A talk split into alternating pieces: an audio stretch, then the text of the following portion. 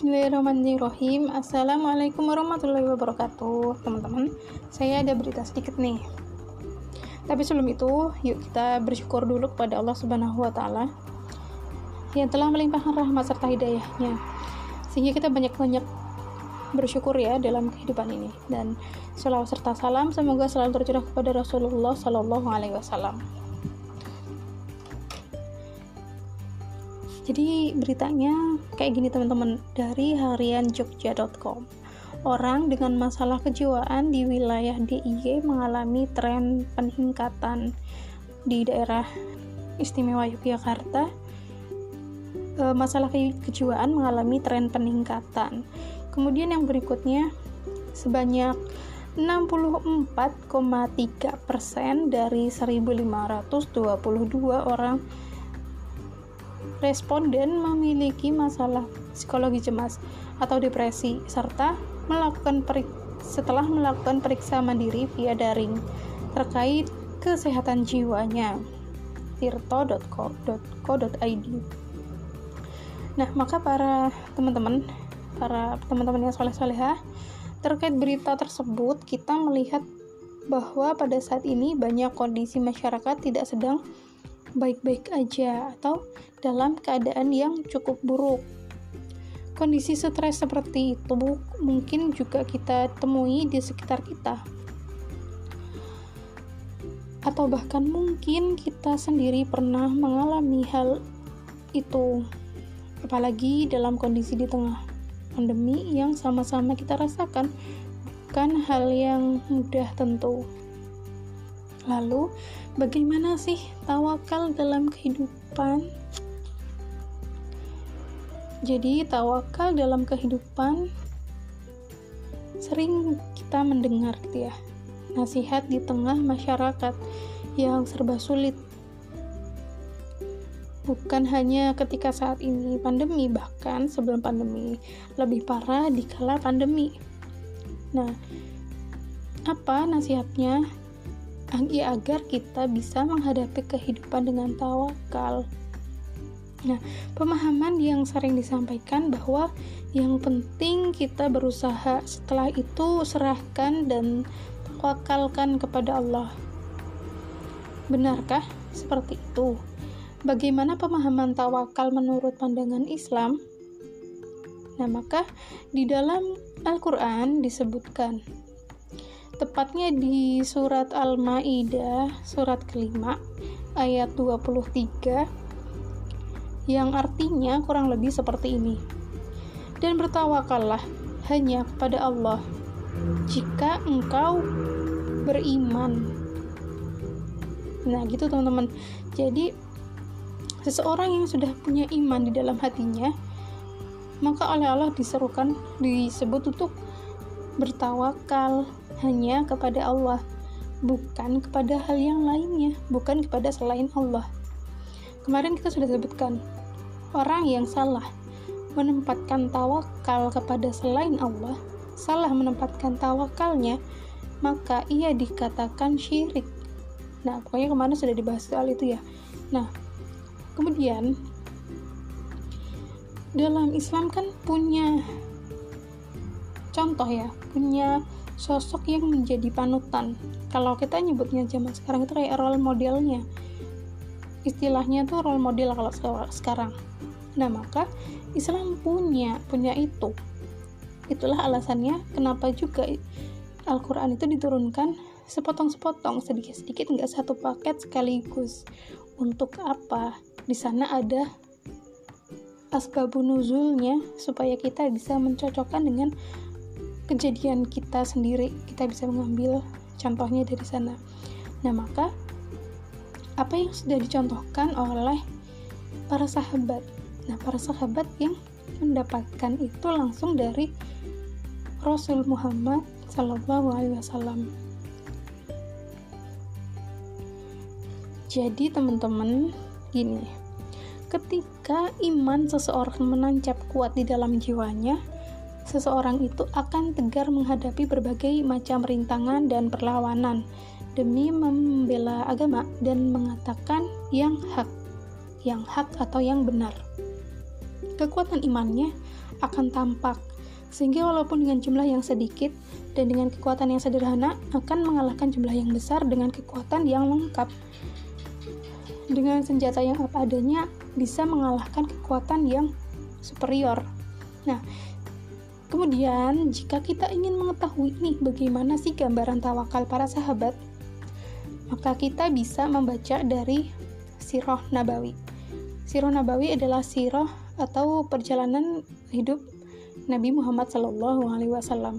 Nah, sirah Nabi Muhammad Shallallahu Alaihi Wasallam ini di dalamnya diceritakan dan menyebutkan bahwa mereka adalah sebaik-baik umat Nabi dan sebaik-baik generasi yang pernah ada di muka bumi. Mereka rela mengorbankan harta, keluarga, bahkan jiwa mereka demi menolong agama Allah di dalam perang Badar misalnya. Nah, di dalam perang Badar hikmah tawakal bisa kita petik. Saat perang Badar, kaum muslimin membawa senjata seadanya. Gitu. Jadi secara kasat mata itu sangat mungkin dikalahkan, sangat mudah untuk ditaklukkan. Ibaratnya nih, e, misalnya satu pertandingan sepak bola gitu ya, di atas kertas kemungkinannya itu cuma 10% menang. Kayak apa ya? ketika Nankatsu gitu ya Nankatsu melawan uh, tim Inggris misalnya itu kayak udah aduh udah kayak kayak duluan sebelum bertanding udah kalah duluan sebelum berperang gitu lah kalau itu bulu tangkis misalnya maka secara ranking kita ada di 100 ke bawah atau mungkin 200 gitu ya. Di range itu kita ngelawan peringkat satu dunia. Nah itu kan udah kayak di atas kertas ya. Udahlah wassalam kalah gitu. Tapi ternyata ya itu cuma gambaran aja ya. Tapi ternyata gini uh, karena para muslim atau para sahabat ini punya keimanan yang to the max gitu ya udah maksimal banget lah pokoknya udah uh, tok tok banget gitu ya. Mereka punya keimanan. Nah sebab keimanan ini sudah menancap kuat di dalam jiwa mereka mereka, maka mereka akan tegar menghadapi apa pun rintangan dan perlawanan gitu ya. Karena mereka mau memperjuangkan kebenaran atau ke atau tadi kita menyebutnya dengan hak atau sesuatu yang hak gitu ya. Di perang Badar ini kan mereka udah secara secara um, kekuatan itu kalah telak. Tetapi ternyata ada pertolongan Allah ada pertolongan Allah yang Allah turunkan di sana kaum muslimin itu bertawakal menyerahkan segalanya kepada Allah mereka tahu mereka kekurangan tetapi mereka tidak putus asa dengan Allah itu tidak putus asa dengan Allah tidak tidak membuat diri mereka kemudian mundur tidak tidak seperti itu. Tapi mereka maju aja mereka yakin. Nah ternyata Allah menurunkan pertolongan hingga akhirnya kaum muslimin apa? Menang. Kaum muslimin telak menang.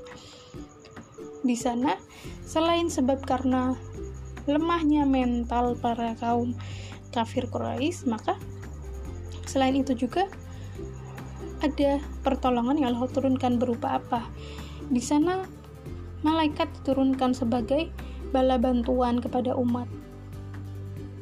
Jadi ketika gitu ya waktu uh, waktu berkecamuk perang gitu ya perang gitu dituturkan di dalam sirah nabawi yang banyak itu disebutkan di sana. Ketika perang itu Allah menurunkan malaikat sebagai bala tentara bantuan kepada kaumnya atau kepada umat Rasulullah Shallallahu Alaihi Wasallam. Maka nggak berhenti dari situ aja.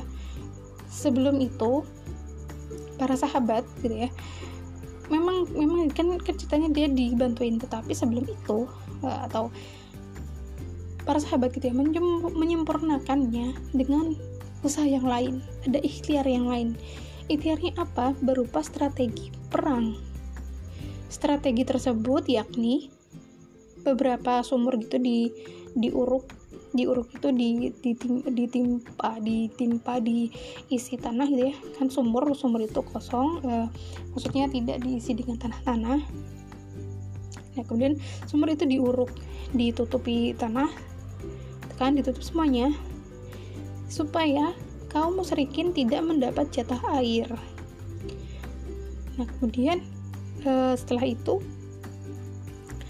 mereka kehausan dan sebagainya sehingga mempengaruhi mereka dalam berperang. Usai perang selesai gitu ya, selesai perang, 70 orang musyrikin menjadi tahanan kaum muslimin dan kaum muslimin mencapai kemenangan. Begitu. Nah, dari contoh itu uh, kita bisa mengambil apa nih? Mestinya yang kita lakukan sebagai seorang mukmin.